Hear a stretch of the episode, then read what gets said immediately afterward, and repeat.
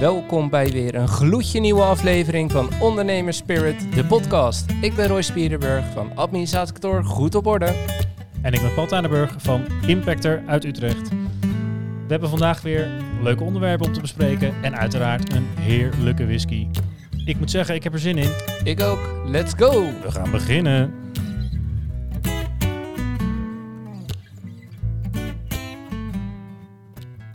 Welkom bij de derde aflevering van Ondernemer Spirit, de podcast. En niet zomaar een aflevering, namelijk de allereerste aflevering met een gast. En ja, voor de eerste keer moet je natuurlijk een topgast regelen. Dus vandaag hebben we Jelle Drijver aan tafel. Jelle, welkom. Oh, de lat ligt hoog. Zeker, zeker. Zeker, zeker. Tof dat je er bent. Tof dat je tijd voor ons vrijmaakt. En eh, kun je wat vertellen over jezelf? Ik kan heel veel vertellen over mezelf. Ja, het is natuurlijk wel, je zegt dank dat je tijd voor ons vrijmaakt, maar ik ben natuurlijk gewoon hier naartoe gelokt met, met lekkere whisky in het vooruitzicht. Dus Zeker, zeker. ja, dus ik denk dat, ik, ik denk dat jullie ehm, strategie daarin eh, heel slim gekozen is. ja. Ja, ja. Hey joh, ja, wat wil je weten? Eh, vader van twee, ik heb een hond, die heet Borrel. Nou, Dat klinkt goed. ja, Ja. ehm, we twijfelden tussen Ober of Borrel. Het leek ons heel leuk om op straat dan heel hard te roepen: Ober, kom hier! Maar eh, uiteindelijk heeft Borrel toch, eh, Toch gewonnen. Ja. Eh, ondernemer, eh, ik denk 14, 14, 15 jaar. Ooit begonnen.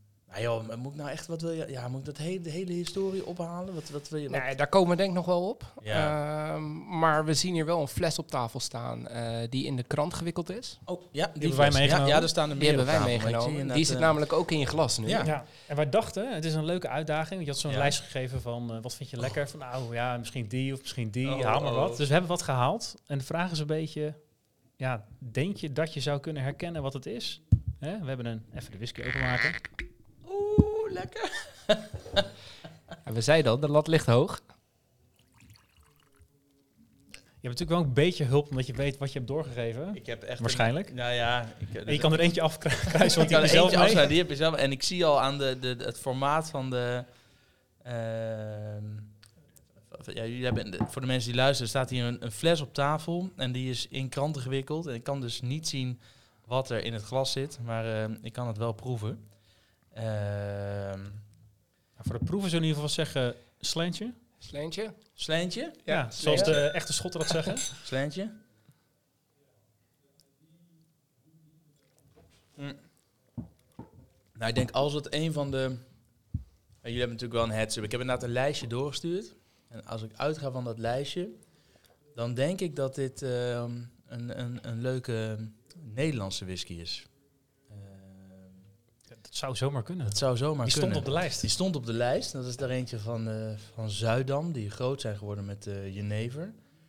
Eh, de Millstone. Ja, ja, we hebben een winnaar, kunnen we wel zeggen. Is het Wel, de hè? Millstone? het is de Wel? Millstone, ja, Ah, zeker. kijk. We zullen hem even uitpakken. Gelukkig, dan Ja. kom ik goed weg. Hoeven niks te editen, jongens. In één keer goed. Ja, kijk.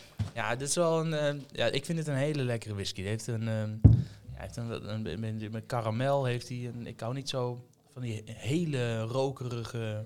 Nou, dat vermoeden had ik al, ja. Ja, die zitten ertussen. Ik moet wel zeggen, ik heb ook wel eens bij een proeverij gehad. En toen helemaal aan het einde van die proeverij sloten we daarmee af. En door die hele opbouw daar naartoe, zeg maar, werd steeds iets zilter. Toen hadden we op een gegeven moment die... eh, oh, heet het nou? Het ligt een puntje van mijn tong. Die ehm Lafroik. Oh ja, ja. Ja, ja, ja. Ja, dat is eh, de eerste keer dat ik dat rook en proefde, dacht ik, je kunt net zo goed een asbak leeglikken. Ja. Maar ehm, ik moet zeggen, aan het einde van die proeverij eh, kon ik hem wel waarderen. Maar als je mij gewoon nu zo vraagt, wat vind je lekker, dan eh, word ik hier heel blij van je. Ja. Ja. Ik zag al weinig eh Peated whisky op jouw lijstje staan. Dus ja. ik dacht, ik ga niet van Millstone Meer, de Peated variant kiezen. Ik neem nee. gewoon een, eh, een veilige, eh, Ja. op sherryvaten gerijpte. Ja. Ja, ik heb hier Oloroso een sherry. Space Side mee. Eh, op het algemeen eh, word ik daar wel blij van, Ja. die hoek. Ja. En ook een mooie kleur, hè? Mooie amberkleur. Daar ben ik zelf heel gevoelig voor. Eh, Kleur? ja, ja, Ja, ja. donker. Ja. Ja, ja Deze is heel eh, donker. Hij doet ook wat ouder aan dan, eh, vind ik in ieder geval. Ja, deze Ja, is zeker heel niet jong. altijd waar, want hij is heel jong. Ja. Ja, nee, precies. Maar eh, ja, ik vind het wel een hele mooie, mooie kleur. Ja, en wat ook nog kan, wat is dan, eh, hij zegt hij is heel jong, want hij is uit, even kijken hoe lang, Het staat, Staat daar handgeschreven op. Dat is... eh, mei 2013, Precies. maar dan is, toen is hij gedistilleerd. Ja. En vier jaar later gebotteld staat er als het goed is onder. Ja, kijk, maar zoals deze die ik mee heb genomen, daar staat dan, ik weet niet of je de naam wil noemen, maar daar staat dan op 12 jaar oud. Maar dat betekent dat er, er mag niet een vat in zitten dat jonger is dan 12 jaar. Maar dat Ja. kan, be- het kan best zijn dat hier ook eh, 80% van wat hierin zit 16 jaar is. Of, Ja. of- Ja, precies. hè, dus, het, ehm, dus het zegt, ja, het zegt iets dat, die, dat het tenminste 12 jaar oud is. Maar, ja, hier staat ja. helemaal geen jaartal op, dus dan weet je alleen maar, eh, het heet whisky. Dus het is niet Ja. wel langer dan drie jaar. Langer dan en een drie dag. Ja, Drie jaar en ja. een dag. Drie jaar en een dag, jazeker. Ja, dat is hier zo, hè? Want als je echt eh, het diep het Oostblok ingaat, daar, Ja. eh, daar, eh dat is gewoon dingen whisky. eh, Ja, ja. dan is gewoon, als je er dronken van wordt, dan mag je het noemen wat je Precies. Ja. ja. Hey, maar de- als we het toch over ondernemers hebben, die, die Fred van Zuidam, dat, dat was er wel een. Die heeft in 1975, eh, na 20 jaar bij Kuiper gewerkt, hebben gedacht. Ik, eh Kan ik zelf ook. ermee. Dat ga ik, zelf doen. voor heel veel ondernemers geldt. Dat ze heel lang voor een loon, voor een baas werken, Ja. in loondienst. En op een gegeven moment denken, nou, dat kan ik zelf ook. Ja, precies. En, eh, maar goed, je had het over Nederlandse whisky. Eh, Ja. Dat is op zich wel waar. Ik weet niet of je wel eens in Baarle-Nassau bent geweest. Nee. nee. Ja, dat is echt bizar. Ben je er wel eens geweest, Paul? Nee, niet? nooit Nou, geweest. Ik ben er in juni geweest. Maar je hebt daar echt iets van 30 of 40 stukjes België. Dat loopt gewoon in één straat door. want Het ligt iets van 20 kilometer van de grens af. En ehm, ja, ze hadden daar ruzie over bij welk land het hoorde. En op een gegeven moment hebben ze, ik geloof in 3 of in 94, hebben ze gezegd, weet je wat we doen? We delen alles op. Dus je loopt daar door die straat en je gaat gewoon vier of vijf keer de grens over. Oh ja? Ja, Oh, wat grappig, en wat het nog helemaal mooi maakt is, dan zie je in die paar stukjes België, je ziet alleen maar seksshops, bierwinkels en vuurwerkhandel.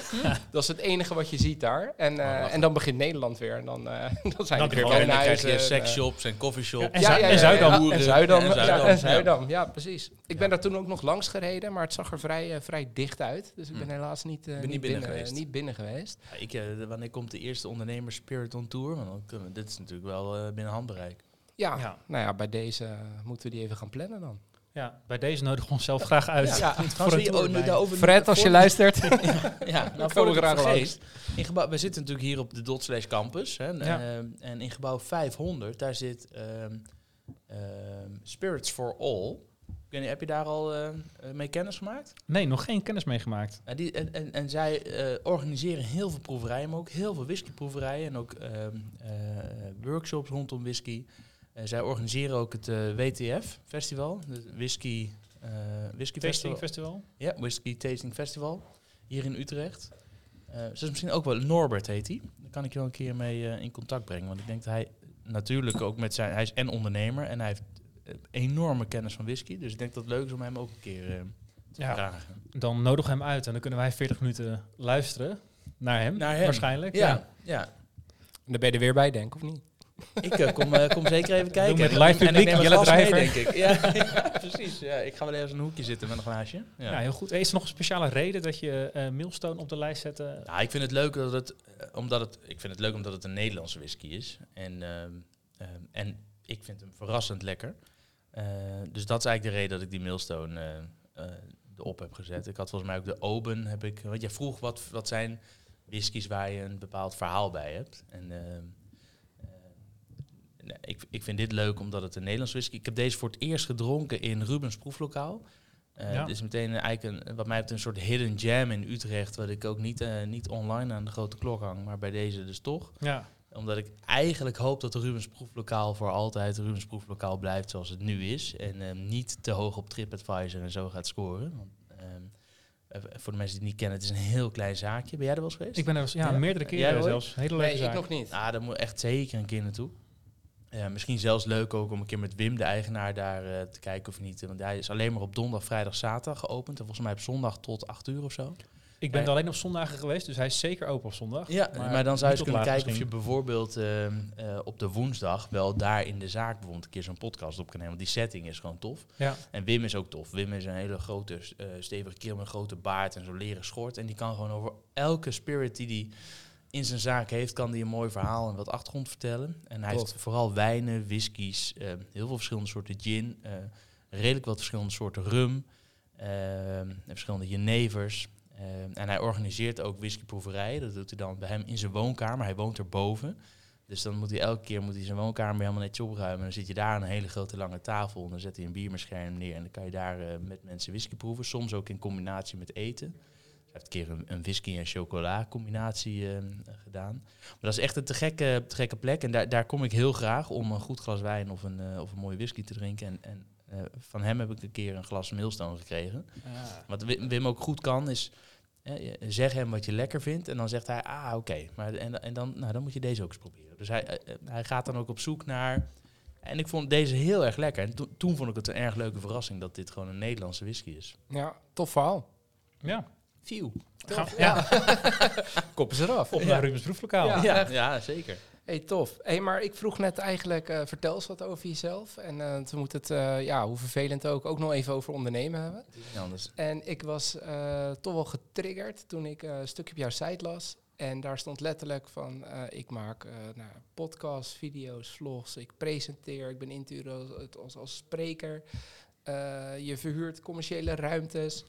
Maar als mensen wat aan je vragen, zeg je, ik ben ondernemer. Ja, dat is wel redelijk eh, samenvattend. Ja. Dan moet ik wel zeggen, ik heb een, eh, een, een relatie, Mark. Eh, Mark is een, een lange klant van ons geweest.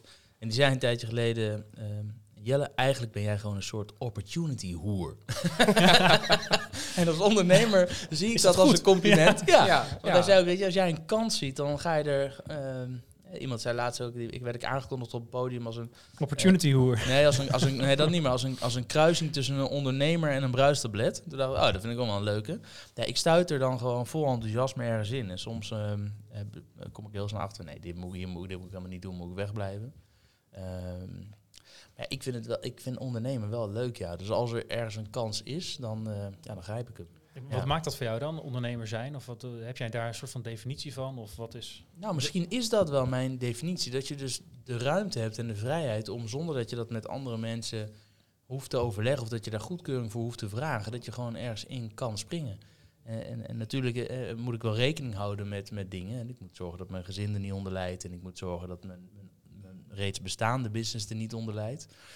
Maar als dat allemaal kan, ja, dan kan het ook gewoon. Ja. Ehm, en dan hoef ja, dan, dan we hebben nou, een voorbeeld om een beetje ook in, in de whiskyhoek te blijven. We, eh, nou, de lockdown kwam, die werd afgekondigd. Rubens proeflokaal moest dicht. Ik kon daar niet meer terecht voor mijn glas Millstone. Ja, verschrikkelijk. Verschrikkelijk, vreselijk. En ehm, toen heb ik Wim een week later eens opgebeld en gevraagd... joh, hoe is dat voor jou? En zei hij, ja, ik moet gewoon dicht. Ik heb gewoon mijn hele business ligt stil. Alle proeverijen, ik, eh, geen mensen meer in de zaak, niks. Waarop, waarop ik, en het was, dit was, het was vrijdag de 13e maart, zeg maar, dat de lockdown eh, volgens mij werd afgekondigd. En een week later belde ik Wim. En ik, maar is het niet een idee dat we gewoon bij jou in de zaak flesjes eh, wijn of whisky afvullen? En dat dan opsturen naar mensen en dat we ze een Zoom-link sturen en dan kunnen ze inloggen. En dan eh, jij als expert en ik als sidekick ernaast, dat we ze gewoon van, van 8 tot 10 s'avonds wat vertellen over die whisky. Dan hebben, ze mensen, hebben mensen toch een leuke avond zonder dat ze de deur uit hoeven. Nou, het zei Wim, ja, dat klinkt wel leuk, maar ik heb geen idee hoe we dat moeten doen. Ik, nee, dat weet ik ook niet. Maar als we nu zeggen, we doen het, dan gaan we het doen. En dan, eh, nou, denk er maar eens over na. Als je het leuk vindt, bel me dan morgen terug en dan gaan we het doen. Toen belde Wim een dag later terug. Toen zei hij, ja, ik weet nog steeds niet hoe, maar laten we het doen. Toen zei ik, dat is goed. En dat was op een zaterdag. Toen zei ik, vrijdag doen we de eerste. Toen zei hij, ja, dat kan niet. Toen zei ik, jawel. Als wij nu zeggen, dat gaan we doen, dan hebben we vrijdag de eerste. Ik weet ook niet hoe, maar dan gaan we dat regelen. Oké, deal. Moesten flesjes hebben. Moesten, hij moest denken, wat, wat, en dat deden we met wijn. We moeten flesjes hebben, we moeten doosjes hebben, we moeten opvulmateriaal hebben. Eh, hoe werkt Zoom eigenlijk? We moeten een Zoom-account hebben. Eh, we moeten, nou, kortom, webcam, eh moet allemaal goed geregeld zijn. Maar we zijn het gaan doen, tanden erin. We hadden het allebei rustiger. Ik had het ook rustig. Bij mij was er, ik geloof, die lockdown die kwam en in, in die eerste week is er echt nou, voor 20.000 euro aan, aan presentatieklussen, vlogopdrachten. Eh, eigenlijk alles waar normaal, waarvoor je onder de mensen moet zijn, alles was gecanceld. Dus ja, ik had ook ineens een lege agenda. Eh, of nou, niet helemaal leeg, want ik heb natuurlijk een. Maar Ja. en toen zijn we met Wim, eh, we gaan het doen. Het hebben we vrienden en familie gevraagd. Hè, Friends, Family en Fools, daar begin je meestal mee. Wil je voor de helft van, van de prijs die we uiteindelijk in gedachten hebben, dus eigenlijk tegen kostprijs, zo'n doosje bestellen. En dan met ons vrijdagavond op afstand gaan proeven. Nou, en daar hadden we twintig vrienden en familieleden die zeiden, ja, leuk. En dat was ook echt super leuk. En eh, toen zeiden we, dit moeten we blijven doen. Toen hebben we alle lessen opgeschreven. Oké, wat ging goed, wat kan beter, en wat ging er echt eh, kut. En eh, toen hebben we twee, over twee weken doen we het voor het EGI. Nou, toen hadden we 40 deelnemers. En een week later op vrijdag hadden we er 60. En een week daarna hadden we er 80. En dat eh, groeide gewoon elke week met ongeveer 20. Ja, En op het hoogtepunt zaten er 140 mensen te kijken met allemaal een doosje met zes verschillende wijnen. En op een gegeven moment deden we van 6 tot 8 en van 8 tot 10. Dus die hele omzet die gemist is, zeg maar, die is gewoon eh, eh, eigenlijk weer helemaal eh, doordat we thuistasting.nl zijn begonnen, is dat gewoon weer, eh, weer Ja. weggetrokken. En eh, loopt dat nog steeds? Is dat nu... Nee, want dat was echt, eh, dat Ja, je merkte ook heel, lockdown, ja, je eh, merkte ja. heel duidelijk, dat was ook tijdens de lockdown, ehm, we krijgen heel af en toe nog wel eens de vraag, mensen die mailen met, hey, is er binnenkort nog een proeverij? Want we hebben nu ook geen proeverijen meer online staan. En we hebben vorig jaar nog een enorme opleving gehad met eh, eindejaars ehm, ehm, eh, dingen op afstand. Dus dat mensen in december en in januari nieuwjaarsborrel, maar dan Ja. op afstand. Dat Vooral vanuit de zakelijke markt. ja, heel veel ik. vanuit Ja, de precies. zakelijke markt. En, en tijdens de lockdown heel veel particulieren. En je merkte toen op een gegeven moment buiten weer het weer mooi werd. Mensen ook weer naar, naar buiten mochten. En zeker toen de terrassen weer open ging, toen was het klaar. Ja. Eh, maar goed, we hebben daar dus wel een, een heel groot gedeelte van de, van de omzet weer, eh, of nou heel groot. Eigenlijk hebben we alles helemaal recht kunnen trekken. Omdat ik na de vierde proeverij dacht, ik wil niet elke keer al die zooi opbouwen. Ik huur gewoon een extra kantoortje erbij en daar bouw ik gewoon een studio in. Dan kunnen we gewoon daar hup deur open doen. Maar ja, die gebruikten wij op de vrijdag en de zaterdag. En de andere dagen was die leeg. Ehm, dus toen ging ik hem verhuren aan bedrijven die daar hun goede Zoom-sessies en, en Teams-sessies wilden doen. Nou, en, en, en, en dat meerekenend hebben we dus uiteindelijk eigenlijk die hele omzet die wegviel weer goed gemaakt. Ja, en dus als je mij vraagt wat is ondernemen, nou, het feit dat ik dat soort dingen kan doen. Als ik denk, hé, hey, volgens mij is dit iets, dat je gewoon hup gaan.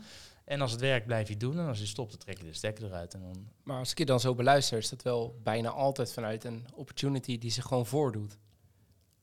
Ja, want toen ik begon met ondernemen, wist ik niet wat ik ging doen. Nee, je wist alleen ik ga ondernemen. ik wist maar alleen, wat? ik wil niet meer voor... Ja, ik werkte bij Ins.nl, als sales Ja. marketing manager.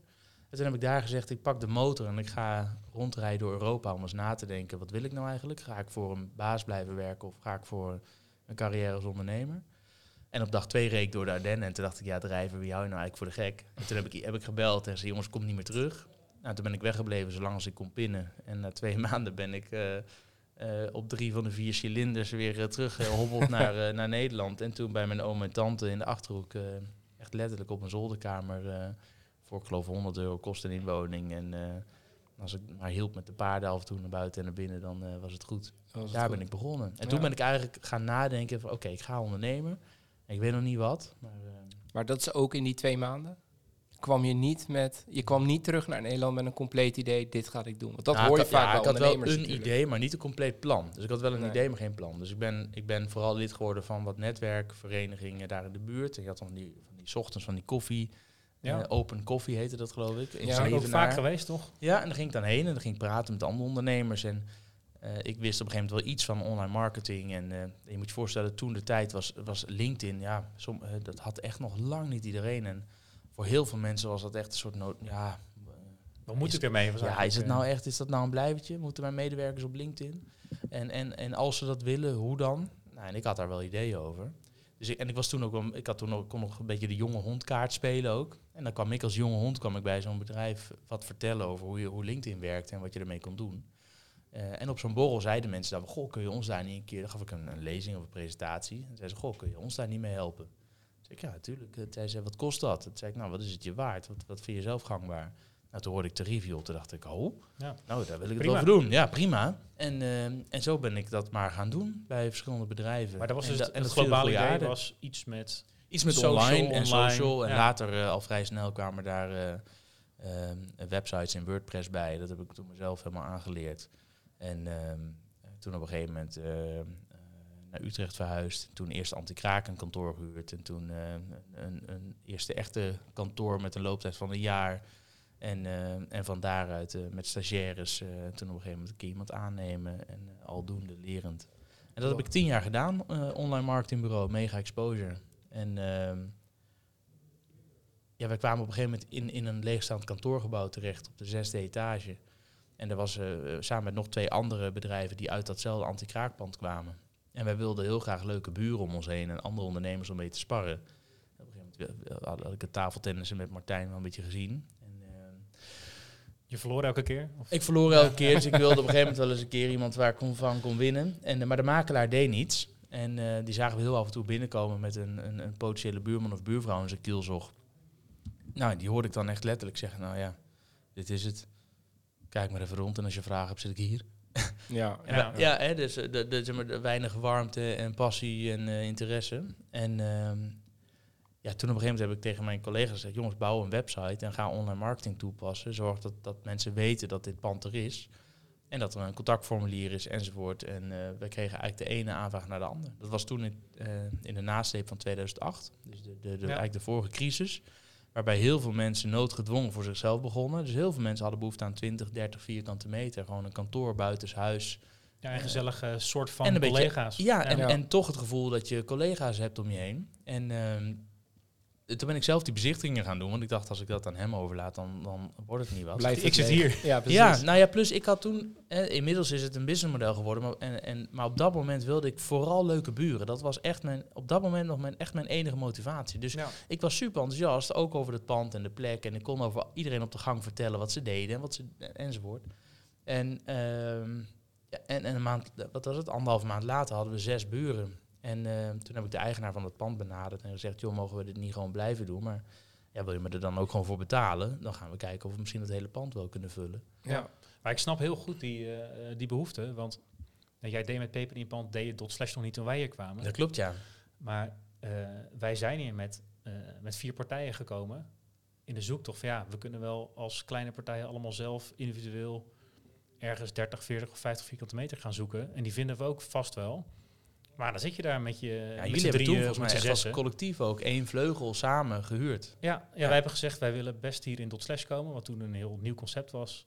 En was voor iedereen een beetje zoeken, wat gaan we hier precies van maken, wat gaan we er precies van doen. Toen zeiden wij, willen hier wel komen, maar dan willen we met z'n allen uh, eigenlijk uh, de hele vleugel kunnen huren en zelf ja. een beetje inspraak in hoe we het indelen. Ja. Uh, juist omdat we dan weten, dan hebben we gemeenschappelijk iets en dan zitten we niet, ehm, ja, met z'n drieën. Waren jullie met z'n tweeën of met z'n drieën? Wij waren toen met z'n drieën. Ja. maar je hebt toch het gevoel dat je met tien man bent, omdat al die kamers bij jullie op de, op de vleugel zaten andere ondernemers. Ja. ja. En dat was precies diezelfde behoefte. Ja. Want daarvoor zaten we bij Utrecht Inc., de, ja. de, de incubator in, uh, in Utrecht, ja, bij, bij de universiteit. Ja. Um, en daar heb je natuurlijk heel veel andere bedrijven. En dachten, ja, de volgende stap kan niet zijn dat we een beetje wegkwijnen uh, ergens ja, dat is een slecht onderhouden zolderkamer in de binnenstad van Utrecht. Ja, nou, dat is, ook, dat is ook waarom überhaupt, en die credits verdien ik niet, die gaan uit naar uh, de gemeente Utrecht, de mannen van de Stadstuin ja. en uh, Boron, uh, family office van de familie Venten van Vlissingen. Die hebben destijds in 2017 de koppen bij elkaar gestoken en gezegd, hey, er is eigenlijk niet een logische landingsplaats als je klaar bent bij Utrecht Inc. Dus hè, Utrecht Inc. is er voor de early stage startups, maar als je op een gegeven moment een late stage startup bent, dus je hebt je businessmodel ready, je hebt een, een minimal viable product, MVP zoals het in die termen uh, ja. noemen. Ja. En je, je, je, je, je, je hebt tractie, er wordt geld verdiend, je gaat mensen aannemen. Ja, dan ontgroei je op een gegeven moment Utrecht Inc. Ja, en dan kom je in de gewone wereld van de bedrijfsverzamelgebouwen. En um, die drie partijen hebben toen gezegd, daar moet eigenlijk een logische landingsplaats voor komen. En dat is toen Dot Slash geworden. En dat is in 2018 ben jij erin gekomen. En wij hebben het 1 april 2019 hebben we dat stokje van de stadstuin overgenomen. Ja. ja. Als je dan terugdenkt aan die makelaar, dan denk ik, waar, waar zit je passie dan? Ja, die was er niet. Toch? Nee. Nou, maar dat die was er misschien wel, maar, vaak, toch? maar ja, dan misschien niet voor dit pand. Of, of nou, ik denk dat tot 2018, of tot 2008, voor de crisis, die doelgroep het gewoon echt heel erg makkelijk had. En dat is nog steeds zo eigenlijk. Maar dat is weer aan de, exact. weer aan de hand. Ja, dat is gewoon nu weer aan de hand. Ja. Um, en, en zij moesten er echt heel erg aan wennen toen in die crisis, dat, dat de wereld veranderd was. Toen ik begon met Peper Pan, toen was het, heb ik echt eigenaren moeten uitleggen dat het ja, dat, dat met alle respect, iemand zoals jij en ik, die voor 20, 30, 40 vierkante meter een kantoor zoeken, in deze fase van het bedrijf niet voor vijf jaar gaan tekenen. Want je hebt geen idee waar gaat het naartoe. Maar het hele businessmodel van een makelaar was wel gebaseerd op voor vijf jaar. En daar dan een percentage van één jaar huur. Dat is gewoon hoe een makelaar dan. Ja, zelfs zo extreem dat, dat sommigen zeggen ook: uh, ik laat het liever nog anderhalf jaar leeg staan. dan dat ik nu iemand voor een jaar erin zet om huur ja. te betalen. Ja, dus de belangen ook van de makelaar en die van de eigenaar van het pand, die waren compleet scheef. En wij zijn begonnen omdat we gewoon leuke buren wilden. En anderhalf jaar later zat het hele pand vol met 43 bedrijven. En hadden we een wachtlijst. Ja, toen ben ik op de fiets gestapt gaan kijken: is er niet nog ergens een pand waar we datzelfde kunnen doen? En toen kwamen we op de kanaalweg terecht. En daar belde ik bij de buren aan. Joh, het pand hiernaast is leeg. Van wie is dat? Ja, van Herman. Nou, heb je een nummer van Herman? Ja, nou, Herman bellen. Jij hebt een leeg pand. Ik heb een wachtlijst. Kunnen wij niet een keer praten? Nou, dat kon wel. En zo is, het, hè, zo is dat gaan groeien. Maar op een gegeven moment zijn we ook wel gaan kijken. Oké, maar waarom was nou die makelaar zo ongeïnteresseerd? En dacht hij, nou, het zal wel. Ja, dat is omdat hij dus afgerekend wordt op een percentage van één jaar huur op basis van vijf jaar. Het was ook zo dat als hij dan toch voor een jaar iets huurde, dan kreeg hij een vijfde daarvan. ja, en dan kan het voor een kamer van 20, 30 vierkante meter gewoon echt niet uit. Dus we hebben toen tegen die eigenaar gezegd, joh, geef ons een minimum van x. Als, het maakt niet uit of het nou 20 vierkante meter is, of, of 30, 40, of voor één jaar of voor vijf jaar. Maar bij elke huurovereenkomst die we realiseren, moeten we gewoon minimaal dit hebben. Eh, eh, want dan kunnen we namelijk ook, we, kwamen natuurlijk uit de internetmarketing, dan kunnen we onze, ja, eh, onze funnel opbouwen. En dan weten we gewoon van, nou, we kunnen er zoveel in gooien. Want als, ja, als de conversie plaatsvindt, dan levert het dit op. Ja. En wisten we in elk geval krijgen we dan dat bedrag. Nou, en, en, en dat werkte heel goed. En langzaamaan merkte die eigenaren ook wel van, hey, verrek, bijna niemand zegt na een jaar op. Als het gezellig is en leuk is in het pand en er worden leuke borrels georganiseerd en er gebeurt het een en ander. Dus ze vonden dat heel eng, die jaarcontracten, want ze waren vijf jaar gewend. Maar de meesten die, die bleven gewoon eh, jaar op jaar gewoon zitten of groeiden zelfs door naar grotere ruimtes. Dus, maar dat heeft, echt, dat heeft echt, en nu vinden we dat heel normaal, maar dat was toen echt, eh, Die mindset moest om. ja, die moest echt om. Ja, Ja, ja, ja, ja, ja. ja. Ja, wel interessant, want dat is wel iets wat je in de markt ziet gebeuren, wat eigenlijk helemaal niet gangbaar is op dat moment. Waar je dan toch een kans ziet en denkt, hé, hey, dat, daar, daar kunnen we wel wat mee. Want had je bijvoorbeeld in die eerste maand, anderhalve maand, heb je toen dingen ook anders gedaan in het pand? Of was het puur je, je passie, je praatje? Ja, eh, ik weet nog je een van de dingen, en dat, is, dat, is, dat vind ik altijd confronterend, of altijd, maar dat vind ik, als, ik het nu, als ik er nu over nadenk, vind ik dat confronterend. Dat het, ehm, ik merk dat we dat zelf ergens ook los hebben gelaten nu, dus dit is even kwetsbaar opstellen. Want een van de dingen die wij standaard deden, en dat hebben we, ehm, ik, en ik ga ook nu zeggen, dat gaan we gewoon weer doen. Want het, gek is dat, hè? Soms zijn, als je terugdenkt, zijn er een aantal dingen wel geweest die heel goed hebben gewerkt en die niet veel tijd en geld en moeite kosten Heb je losgelaten? die je toch op een gegeven moment loslaat. En dat, dus dit is wel, dit is even een reality check. Eh, wat wij namelijk deden was als we wisten er komt iemand kijken voor een kantoorruimte, dan hadden we natuurlijk aan de telefoon al een soort voorgesprek. Dus ik weet al, komt iemand voor 20, 30 vierkante meter of voor 100 vierkante meter of voor 1000 of whatever. En wat we dan deden was als iemand dan stel voor 20 vierkante meter kwam kijken, dan eh, gingen we naar de website, de rechtermuisknop op het logo, downloaden als. En dan printen we in Canva of in een ander. En dan printen we gewoon een, een briefje met. En er stond daarboven misschien wel het nieuwe kantoor van. En dan het logo. En dat deden we in het bordje naast de deur. Dus als me, en dat deden we dan bij drie, vier ruimtes die ik ging laten zien. En dan kwam je aanlopen. En dan stond je logo al naast de deur met misschien wel het nieuwe kantoor van. Nou, je begint nu ook te glimlachen. Ja. Ja. Ja, en Ja. mensen gingen daar echt mentaal van kwispelen. Dus dat waren de momenten dat ze de telefoon pakten, een foto maakten, zeggen even naar de collega sturen. En dan kon ik als gladjakker zeggen, oh ja, vind je het leuk? Ja, dat vinden we nou echt leuk. Ja, maar je bent toch net daar en daar geweest? Kijk, deze dat daar niet dan? Nee, nee, nee, dat deze daar niet. Ah. Ja, dan ben je er al. Ja, precies. Nou ja, de, hebben, eh, Kost jou een kwartiertje. En, eh, ja, nog niet eens. Het is echt een paar minuten. En je merkt gewoon dat mensen dat ontzettend leuk vonden, dat hun logo al op de deur stond. En dan zijn we die hele kleine dingetjes. ehm, en op dat idee ben ik gekomen omdat ik ooit bij een tapasrestaurant een hapje ging eten. En er stond een bordje op tafel, niet met gereserveerd. Zo'n Toblerone, wat Ja. eigenlijk zegt oprotten, dit is niet jouw tafel, dat had je moeten bellen. Ja. Maar er stond op zo'n zo'n heel klein schildersezeltje met een krijtbordje en er stond op Signor Drijver. En dan stond de rest onderin 4P, oftewel vier personen. Ja. En ik zag dus, eh, die loopt rond, ah, dit is uw tafel, meneer Drijver. Nou, dat je bij je naam genoemd wordt en Ja, dat je naam ziet staan, dat doet gewoon al zoveel. Ja, precies. En het is een Eh, hele kleine moeite. Super kleine moeite, maar je moet het wel doen. Ja. En, en ik realiseer me dus nu, hé, waarom zijn we dat, waarom hebben we dat losgelaten of zo? Dus vanaf nu, als mensen druk bij eh Dot Slash komen kijken voor ruimte, dan eh, kan je dit verwachten. dan gaan we dit weer oppakken, ja. Ja. ja. Tof. Ja, Nou, mooi dat we je kunnen helpen Ja. met deze Ja, podcast. dankjewel, dankjewel. Ja, heel goed. Willen jullie een glaasje Abbelor of doen we dat na afloop? Hoe, Eh, ja, die kunnen we gewoon... eh, Toch? we doen nog We op. zijn er nu We doen toch? gewoon nog een tweede. ja. En waar gaan jullie naartoe met de podcast? Wan- wanneer is dit voor jullie een succes? Ehm goeie vraag. Ik dacht dat wij van de vragen waren Ja, vandaag. sorry. Eh, nee, maakt niet uit. Dat is, eh, dat is goed. Ik kan, Bloedkruip waar het niet gaan kan. Nee, ik kan ook gewoon ik kan ook niet kletsen en dingen doen tegelijk. Dus ik denk, ik vraag iets. Ja, nee, ja, voor mij is het een succes als we een, een, een vaste schare luisteraars ehm, hebben die we verder brengen met gewoon goede ideeën of, of anders naar, naar hun eigen onderneming of het ondernemen als zich kijken. Ehm, en nou vaste ja, scharen is 2, Twee? 20, Oh, 20, 200, ja, nee, 2000. Ja, dat, dat, dat, de tijd zal het leren. Maar uiteindelijk denk ik, als wij eh, een, een- een, een vaste club luisteraars hebben die we in die zin kunnen helpen, of in het ondernemen, of, of gewoon in het vermaak, om eens ja, te luisteren over wat ondernemen allemaal inhoudt, hoe wij tegen dingen aankijken. Eh, dan is het heel geslaagd. En op persoonlijk vlak, want ik ken Paul jaren en eh, nou, als ondernemer ben je rete druk. Eh, en, en zo zijn we eigenlijk ook bij jou in de achtertuin met een barbecue eh, hierover begonnen. Je ziet elkaar weer veel. We hebben ja, gedeelde passies en, en eh, daar deden we eigenlijk te weinig mee. Het Whisky Festival in Den Haag, wat super tof is. Maar ja, het is één keer per jaar. En als je veel mooie whisky samen kan drinken en elkaar veel vaker ziet en spreekt, is het voor mij eigenlijk ook wel een succes.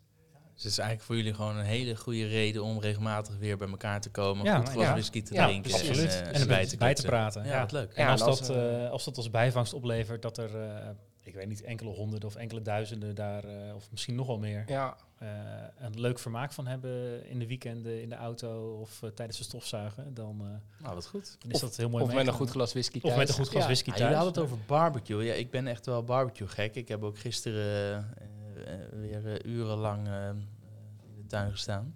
Oh, lekker. En eh Roelof Hemme, die ken je wellicht als eh, ex-nieuwslezer, maar ook als eh, eh, ja, eh, op. RTL. eh, Ja, die hebben nu, ja. Ja. precies, die heeft nu een, een podcast waarbij die ehm, ehm, eh, rond zijn, eh zijn Green Egg gaat staan. Is ook eh, gesponsord door Green Egg.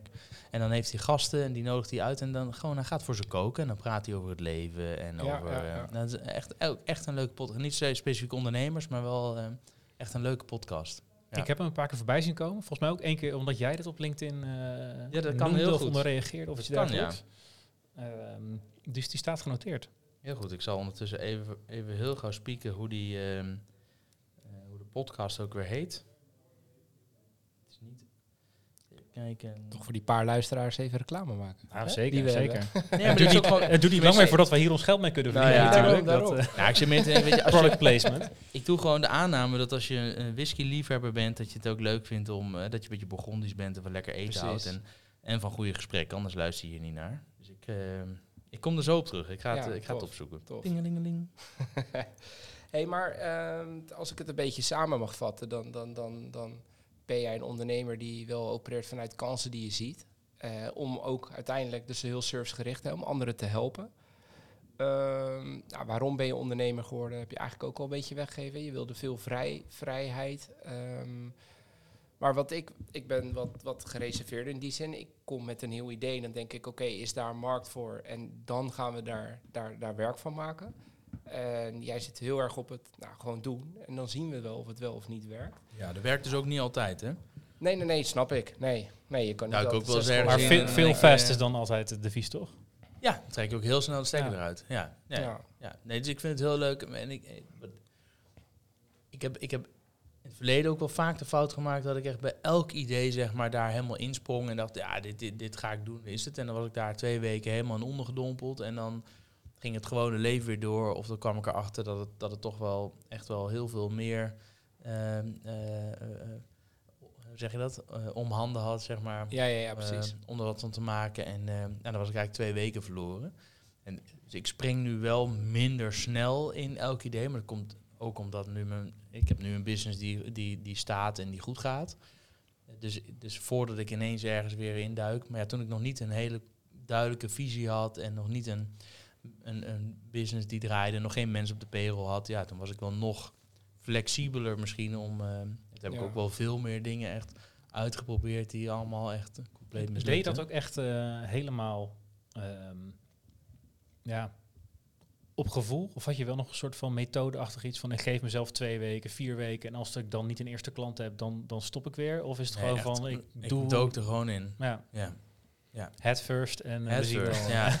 ja, nee, ja, serieus. Ja. En, daar, en, en misschien dat het ook daarom wel, ook dat er heel veel dingen in het begin, het is echt trial and error. Ja, gewoon echt maar gaan en dingen doen en eh, op je bek gaan, fouten maken. En, en sommige dingen werken wel en die neem je dan weer mee voor de volgende keer.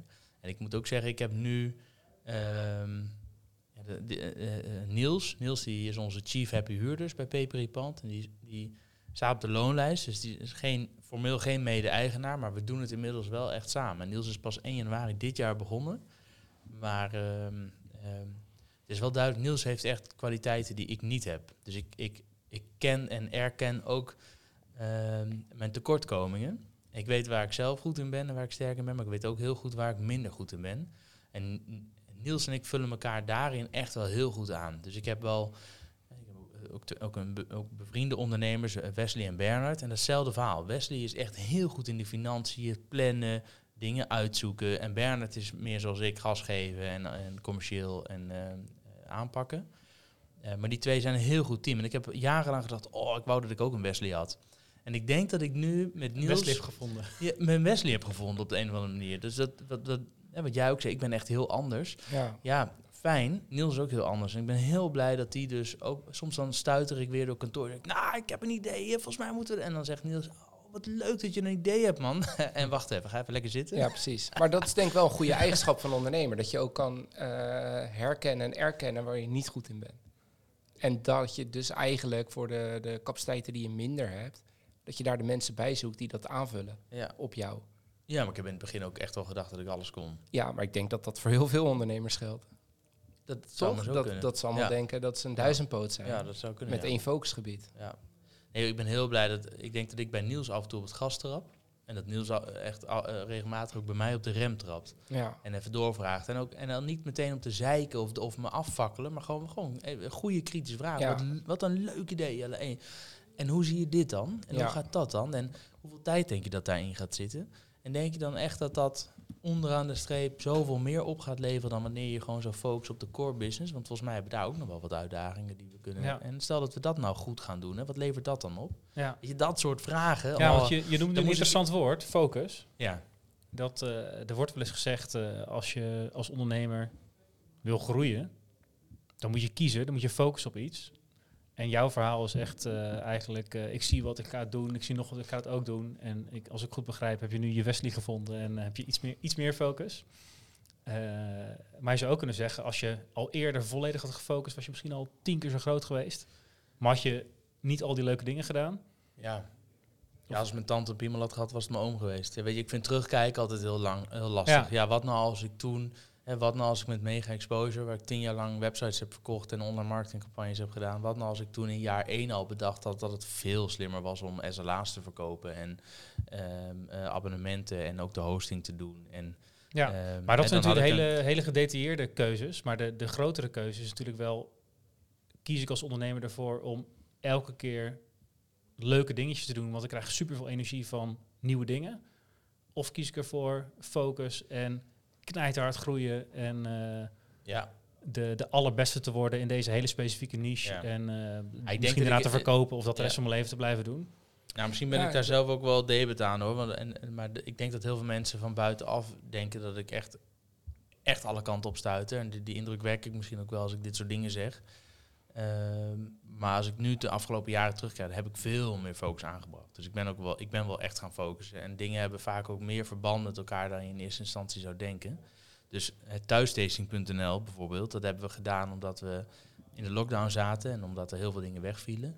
Maar onze kennis van online marketing kwam daarbij heel goed van pas om het heel snel op te zetten en neer te zetten. En te zorgen dat we daar ehm, eh, business konden draaien. En het feit dat bijvoorbeeld iedereen meteen op een mailinglijst hebben gezet en mailtjes met, eh, joh, welke vrienden heb je waarvan je denkt die, dat ze dit ook leuk zouden kunnen vinden, meld je hier aan als affiliate. En voor iedereen die zich via jou aanmeldt, krijg jij eh, 10 euro korting op de volgende proeverij. Weet je, dat soort slimmigheidjes en daar ook de tools en de software en de technieken voor, van, voor voorhanden hebben. Dat maakt wel dat ik toen dat ik heel snel dat kon doen. En we hebben met Pepery Pand hadden we op het hoogtepunt ruim 14 bedrijfsverzamelgebouwen waar we de verhuur deden. Oh, we hebben Sorry, een beller. We hebben een beller, maar die druk ik weg. Dit is, ik moet niet vergeten om de kinderen op te halen. Niet, niet dat ik dat zou vergeten, maar zal we even een reminder met, oh ja. Dus, ehm, ehm, dus op een gegeven moment hebben we van al die panden binnen Pepery Pand, hebben we, we hadden op een gegeven moment ook panden in Den Haag, in Amersfoort, in Rotterdam. Ehm, en toen kwam ik op een gegeven moment achter dat, we, dat het in Utrecht veel beter ging dan in die andere steden. Omdat we gewoon hier zitten en focus hebben. En op een gegeven moment heb ik zelfs binnen Utrecht een afscheid genomen van een aantal locaties. En hebben we er nu eigenlijk nog vier. Waar Dot Slash, waar we nu zijn, Europalaan 100, 400, 500, veruit de grootste is. Dus we hebben echt als Pepery Pand de keuze gemaakt. We gaan van Dot Slash echt een succes maken. En dat misschien ooit wel eens een keer nog ook naar andere steden brengen. Dat zou maar zo kunnen. Of in Utrecht meerdere locaties. Maar ik, dus toen ik begon met Pepery Pand, dacht ik, ja, wat ik hier kan, Ook overal. kan ik overal. overal, Ja, en dat kan misschien ook wel, maar ik kan zelf niet overal zijn. Je Nee. franchise... eh, Dat is, ja, Misschien, nou, dat is ook allemaal ideeën waar we wel eens, maar op een gegeven moment heb ik gezegd, nee, we, we gaan echt al die panden afstoten waar we gewoon niet eh, zelf in de buurt zitten. Ehm, en ook dit wel met de eigenaar van het vastgoed hier besproken. Van, nou ja, we willen best meer focus aanbrengen. Maar ja, dat, dat is dan, hoe gaan we dan samen, hoe zien we dan samen de toekomst? Nou, daar zitten we echt mooi op één lijn. Dus ehm, ja, dan maken we dat soort keuzes. En daarnaast geef ik af en toe nog les eh, op HBO en MBO. Uh, geef ik af en toe training aan de persgroep, aan medewerkers, uh, aan journalisten. Maar dan gaat het altijd over de, ja, over de, over de, de, de kennis zeg maar, die ik de afgelopen jaren heb opgedaan. als het gaat over online marketing en social media. Of nou, hoe krijg je je werk gedaan in minder tijd. Ja, zo, zo, begon ik het verhaal natuurlijk ook. Want je hebt zoveel gedaan en, um, en, en doet ook nog heel veel. En nou ja, in onze vorige aflevering zei ik van ja, durf te kiezen. Dat hoor je vaak. Van joh, uh, juist door te kiezen wat je niet gaat doen, maak je heel duidelijk, dit doe ik wel. Ja. En, uh, en dan hoop ik dat mijn propositie klopt. Maar mensen weten wel, hey, als ik bij Goed de Borden aanbel, dan weet ik wat ik kan verwachten en waarom ik daar naartoe kan. En in mijn eerste, want wij, wij kennen elkaar verder nog niet. In mijn eerste research, wat ik even teruglas, dacht ik, ja, maar ik kan overal voor, voor alles terecht bij. Ja, en en nu in dit verhaal wordt dat wel wat genuanceerd, maar merk ik wel dat je van enorme duizendpoot die stuiter door alle ideeën en mogelijkheden wel terug gaat naar hey, hier ben ik goed in dit kennen, kunnen we heel goed. En zelfs binnen zo'n concept nog, hé, hey, maar als we dit afstoten, dan krijgen we hier echt de focus op.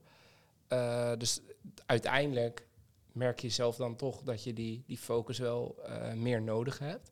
Is dat ook iets wat je moeilijk vindt aan het ondernemen? Juist omdat je overal een kans of een mogelijkheid in ziet? Niet meer.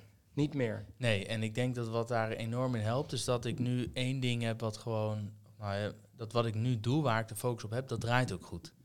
En uh, toen ik begon met ondernemen, was het echt nog wel houtje bijten. Nou, dat, ik, ik, ik, geen idee hoe dat voor jullie was, want jullie zijn ook allebei ondernemer. Maar ja. uh, in het begin was het echt gewoon, sommige, uh, echt wel, uh, zorgen, ga ik de rekening op tijd kunnen betalen? Fuck, we moeten echt wel weer nu een nieuwe opdracht hebben, anders hebben we echt een probleem over twee weken. Dat, ja. die, die zorgen, ja, en ik merk dat ik daardoor ook wel onrustiger werd. En vaker dacht, ja, maar misschien is dit het dan wel. Of ja, maar misschien moet ik dat wel gaan doen. En het uh, ik merk wel, mensen zeggen geld maakt niet gelukkig. Nee, dat zal best, maar het geeft wel rust. Als je op een gegeven moment, en nu hebben we nog steeds problemen, of uitdagingen moet ik zeggen. Dus elke dag is er wel weer iets waar je over na moet denken, of waar je keuze moet maken, of je tanden in moet zetten. Maar de basis is er nu. Ja, ja. Dat is een stuk prettigere uitdaging om te hebben als je in ieder geval weet Absoluut. dat ik kan mijn huur betalen. Die onderstroom Precies. die loopt gewoon. Die onderstroom die loopt gewoon, ja. dat is op orde. En verder is het vooral kijken hoe ga ik het verder uitbouwen. Maar de, de, weet je, als ik als tot, tot, totdat ik 60 ben, bij wijze van spreken, alles zou blijven zoals het nu is, happy days. He, kan ik kan ik heerlijk van leven, kan ik prima leven hebben, kan ik mijn gezin happy maken, mijn kinderen goed laten opgroeien. Ben ik helemaal happy. Dus um, als je mij toen ik 20 was of 18 had gevraagd wat wil je laten worden, had ik gezegd miljonair.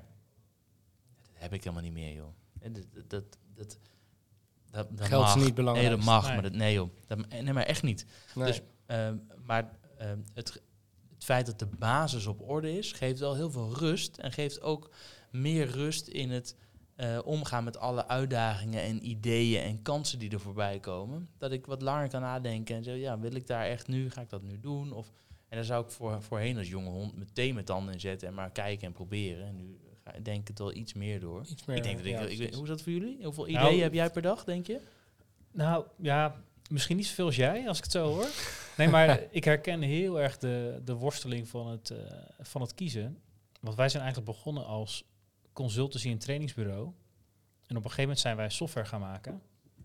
Over hetzelfde onderwerp, in dezelfde markt nog steeds. Maar dat is nu denk ik, een jaar of vier geleden hebben we dat bedacht. Gingen we dat testen bij die klanten toen. Uh, hebben we een eerste pilotklant gevonden en is het langzaam een product geworden. Maar ik denk dat we nu een jaar of drie of zo verdienen we daar nog geld mee.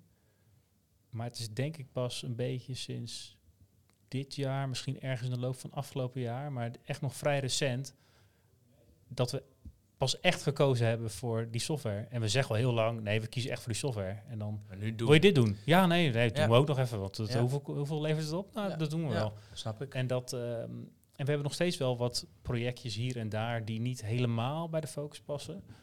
Eh, maar net genoeg om te zeggen, dat doen we toch wel, want het is leuk. Het geeft ook nog wat exposure op in die academische markt waar wij in zitten. Maar dat kiezen is wel echt, eh, vind ik nog steeds heel erg lastig. Want er zijn zoveel leuke, interessante eh, Ja. mogelijkheden die je eigenlijk allemaal zou willen aanpakken. Ja. Maar daar heb je misschien wel twee, drie, vier keer zo'n groot team voor nodig om het allemaal te kunnen doen. Ja.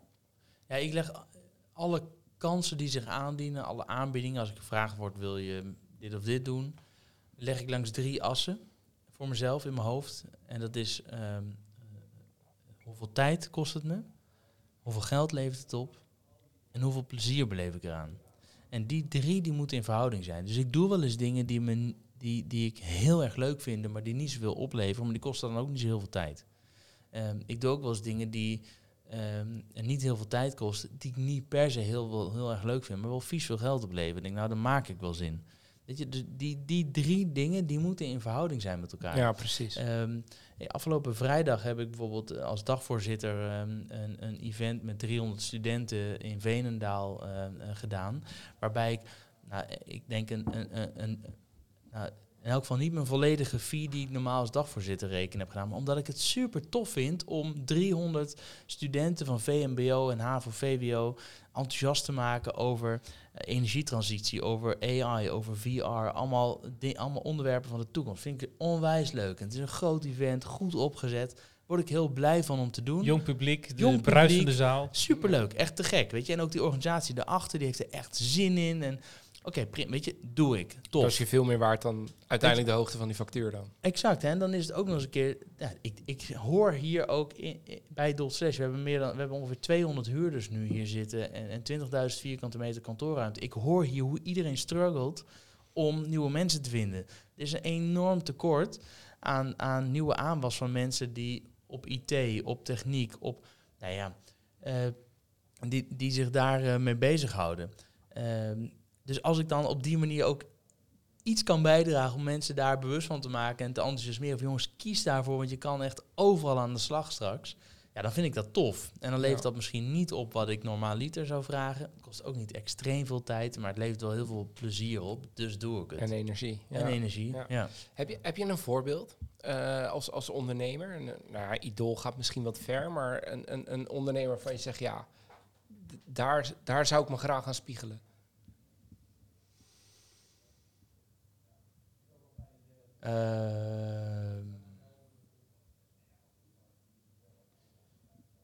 Nou, ik, ik, gaan nu natuurlijk nu allemaal bekende namen door mijn hoofd. En dan denk ik, me, mm, Mag ook prima een onbekende naam zijn Ja. natuurlijk. ja Kies Paul, kies Paul. Paul is natuurlijk onwijs inspirerend sowieso. Ehm, Dank je. Volgende Ja. vraag. nou, oké, ik merk, maar goed, ik heb, ik heb ooit het geluk gehad dat ik eh, drie uur lang één op één een interview mocht doen met John Venten van Vlissingen. En eh, daarom kon, had ik de gelegenheid om hem allemaal vragen te stellen, ook in veel gevallen over ondernemen. De rode draad was toen een beetje de, nou, de, de momenten waarop het lastig is als ondernemer. Dat was, en we hebben ook al heel veel, heel veel successen gehad. En ik merk dat ik daar heel veel van geleerd heb van dat gesprek. Dus dat ik, dat, dat ik daarom echt als persoon, dus niet zozeer dat ik nou ook een, een wereldwijde reisorganisatie wil opzetten. En, ehm, eh, maar maar ik, ik heb daar, ik vind dat vond ik, dat vind ik een hele inspirerende man. Gewoon hoe hij kijkt naar beslissingen nemen en ondernemerschap. Ehm, en niet zozeer als ondernemer, maar wel, jij zegt, je moet kiezen. Nou, Jan van Zetten, spreker, meer dan dat hij, hij is ook ondernemer, hij is meer spreker eigenlijk. Dat is, zijn, dat is wat hij verkoopt. Ja, Eh, ja. eh, ja, toen wij tien jaar bestonden hebben we hem ingehuurd als spreker. Fantastische. Waanzinnige vent. Ja, fantastisch. En ik, heb, ik, ik ga één of twee keer per jaar met Jan lunchen. En dan hebben we de deal, ik trakteer. En, en dan ondertussen sparren we lekker met elkaar. En we hebben een hele leuke, leuke klik. Maar Jan zegt altijd, kies en wordt gekozen. Ja, En dat is zo'n mantra, zeg maar, wat ik ook vaak heb. Weet je, kies en wordt gekozen. Ik heb net op weg hier naartoe, heb ik tegen iemand ehm, die, die echt al drie maanden lang informatie inwint over een kantoorruimte hier, heb ik gezegd, ehm, weet je, volgens mij moeten we het gewoon niet doen. En hij zei, nee, volgens mij ook niet, want het voelt, ik weet het niet. En ehm, ja, joh, maar dan moeten we het niet doen.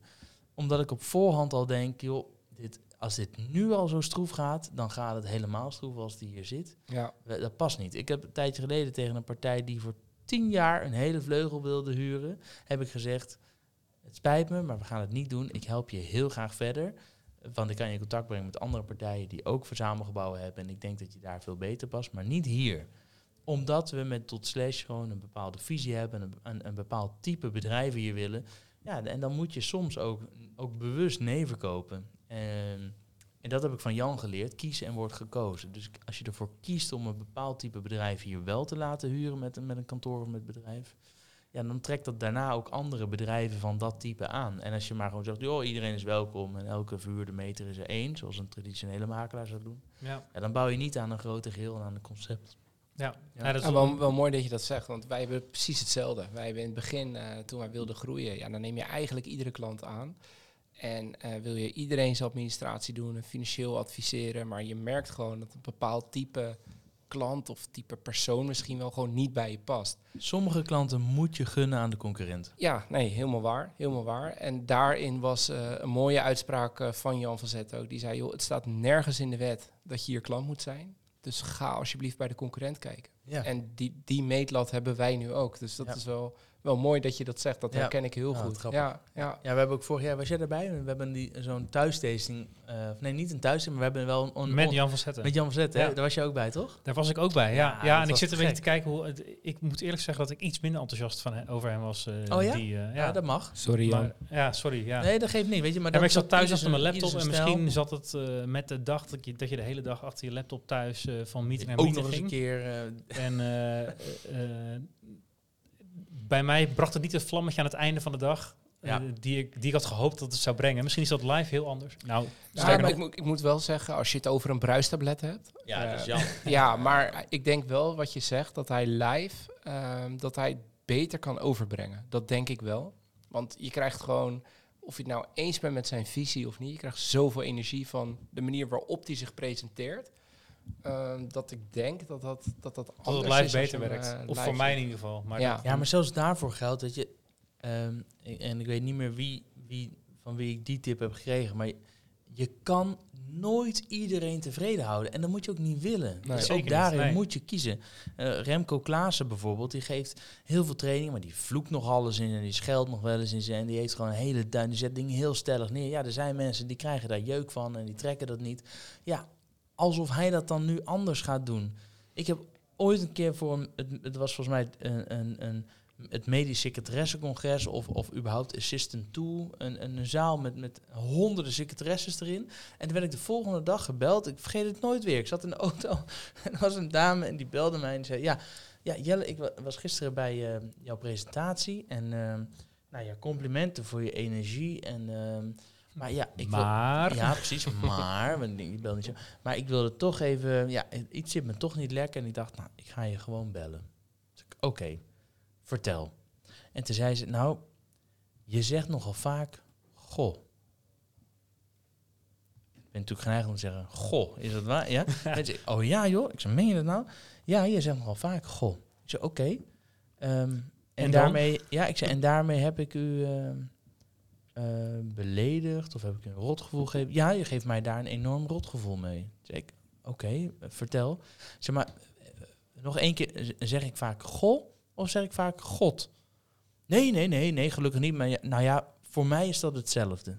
En toen dacht ik echt, ja, oké. Kijk, En toen heb ik natuurlijk gezegd, ik zei, nou, ik vind het ontzettend vervelend dat u met die nasmaak terugdenkt aan mijn presentatie. Ik heb u natuurlijk op geen enkele manier willen kwetsen, maar eh, nou ja, eh, Het is wat het is dan. het is wat het is. Ja, Dankjewel ja. dat je me dit even laat weten. kiezen wordt gekozen, toch? Ik bedoel, Ja, jij en doet je ding en Ga ik mensen dat het leuk ooit vinden. veranderen? Nee. Nee. En zeg ik nog wel eens, Jezus, in mijn presentatie. Ja, dat zou best kunnen.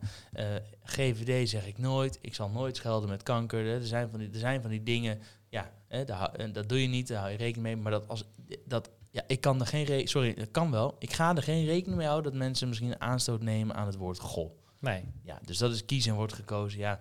En, en dat is prima. Hè. Jij zegt, nou, ik werd niet per se warm van Jan. Ja, ja prima. Maar dat is ook helemaal niet Ja, erg. Er Het is helemaal niet erg als die andere 95% van zijn doelgroep wel stuiteren. Zeker, ja. Dit is meer dan genoeg.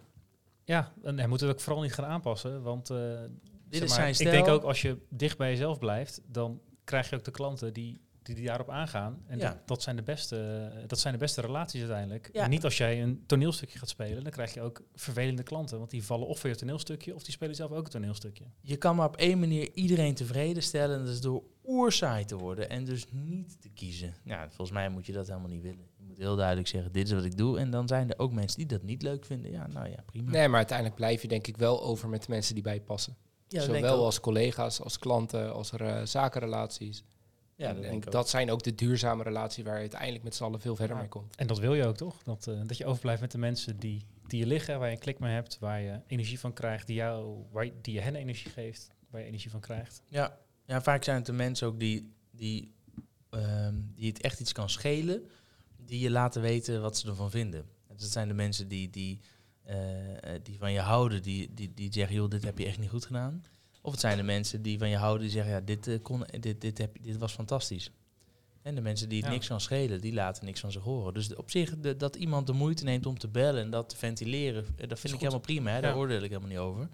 Alleen ik kies er vervolgens heel bewust voor om er niks mee te doen. Ja, en dat mag ook.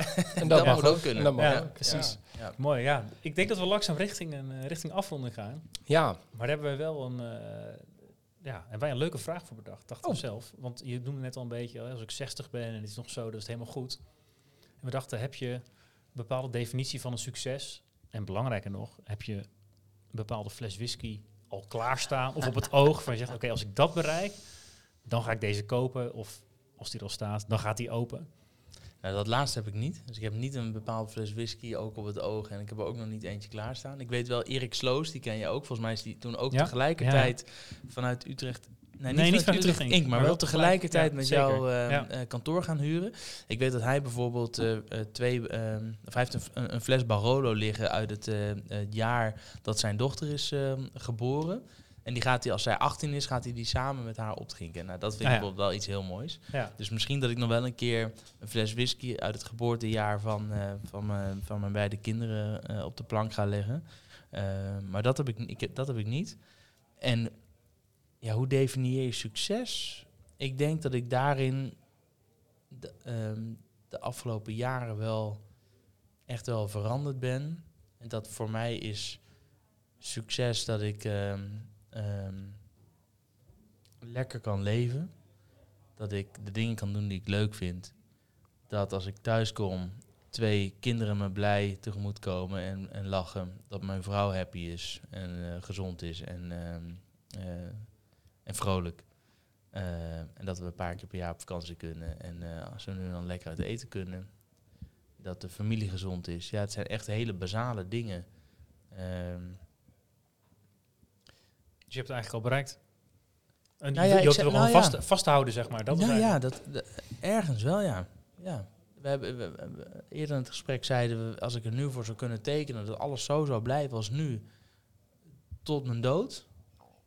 Ik denk dat ik mijn handtekening zou zetten. En dat is, dat is, heb je dan geen ambitie meer? Jazeker wel. Kan het niet, kunnen er niet nog meer dingen? Kan het niet nog mooi? Ja, vast wel. Alleen, ehm, ik denk dat het ook heel veel waard is om op een gegeven moment gewoon in stil te gaan staan en te kijken naar wat je al hebt. En, wat je, en, en dat het. ehm, veel meer die waardering voor het nu. ja, er zijn Ja. heel veel mensen en, en, en niks ten nadele, want ik ben gek op al onze huurders. Maar we hebben natuurlijk een start-up scale-up community. Allemaal mega ambitieuze ondernemers om ons heen. Die allemaal verder willen, willen allemaal groeien. En dat is te gek. Maar eh, ehm, ik denk dat het goed is om ook af en toe gewoon eens even gewoon op de rem te trappen. En gewoon eens te kijken, waar sta ik nu en wat heb ik eigenlijk tot nu toe al? En dat het heel waardevol is en fijn is en rust geeft om, om ook daar gewoon heel happy mee te zijn. En vergi- vergis je niet, ik wil ook door, ik wil ook groeien en ik wil meer. Maar ik ben ook heel gelukkig met hoe het nu is. En als ik alles kwijtraak, maar mijn gezin nog heb en ik heb een dak boven mijn hoofd, ik weet dat ik dan ook gelukkig kan zijn.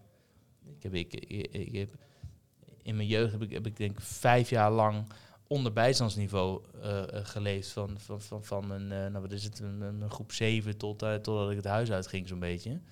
Ehm, ik weet ook hoe het is om, om het allemaal niet te hebben. Ehm, dus ik waardeer ook heel veel. Ik wa- waardeer daardoor veel meer ook wat ik nu wel heb. En ik weet ook dat het, dat het genoeg is. Ja, En en dus belangrijk ook om er bewust van te genieten. En niet te denken, ik moet door, door, door. Want dan, nou ja, hè, je wordt geschept door een bus. Dan, dan heb je tien jaar lang eigenlijk een hele, heel mooi leven gehad. Maar even vergeten Ik heb een vriend en die spaart alles. Die zet alles aan de kant. En die gaat bijna nooit uit eten. En die zegt, ja, nee, maar als ik dan later met pensioen ga... Ja, Dan kan ik alles doen. Ja. Ik begrijp dat dus niet. Nee, begrijp snap er ik ook helemaal niet. niks van. Nee, snap ik ook niet. Hè, mensen zeggen wel eens dat ik erop blijf, maar leef alsof het je laatste dag is. Leef. Ja, ja, dat zou ik echt Ja. iedereen adviseren. Nou, ja. nu je het zegt, je, lijkt- je hebt het zo wat weg. Ja. ja, ja, ja, ja, ja. Ja, Hey, jongens, ik, vond het, eh, eh, ik vond het super tof en ik vind het ook wel een mooie afsluiter om op, eh, om te proosten. jullie hebben helemaal niet gevraagd waarom ik nou deze whisky heb meegenomen. Dat was een van je zei, je moet Sorry, een whisky ja. meenemen Je met, hebt helemaal met- gelijk. met een idee erachter.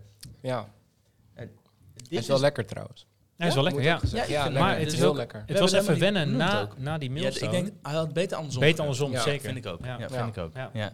Nee, ik heb de Aberlour meegenomen, 12 jaar oud. ehm, double cask eh, matured. eh, American Oak en eh, Sherry Oak. Dus hij heeft op twee verschillende vaten gelegen. En waarom heb ik deze fles meegenomen? Omdat ik, dit is de eerste single malt whisky die ik ooit heb gedronken. Je hebt onze Ehm, eerste aflevering geluisterd. Ik, heb- die heb ik wel geluisterd, maar eh, los daarvan. Ik weet nog dat ik in Groningen studeerde en dat ik, want Niels, die nu onze chief happy Hourders is, die heb ik al eerder ontmoet. Ehm, die ken ik al wat langer. En Niels die heeft, had deze eh, op de plank staan. En die, eh, ik, ik kwam daar toen een keer en hij schotelde, schotelde me dit voor. En ik vond het meteen te gek. Ik vond het meteen super lekker. En, en later ben ik, eigenlijk door deze whisky, ben ik later ook andere whiskies gaan drinken en eh, gaan ontdekken. En ehm, eh, dat wat meer gaan, eh, gaan proberen.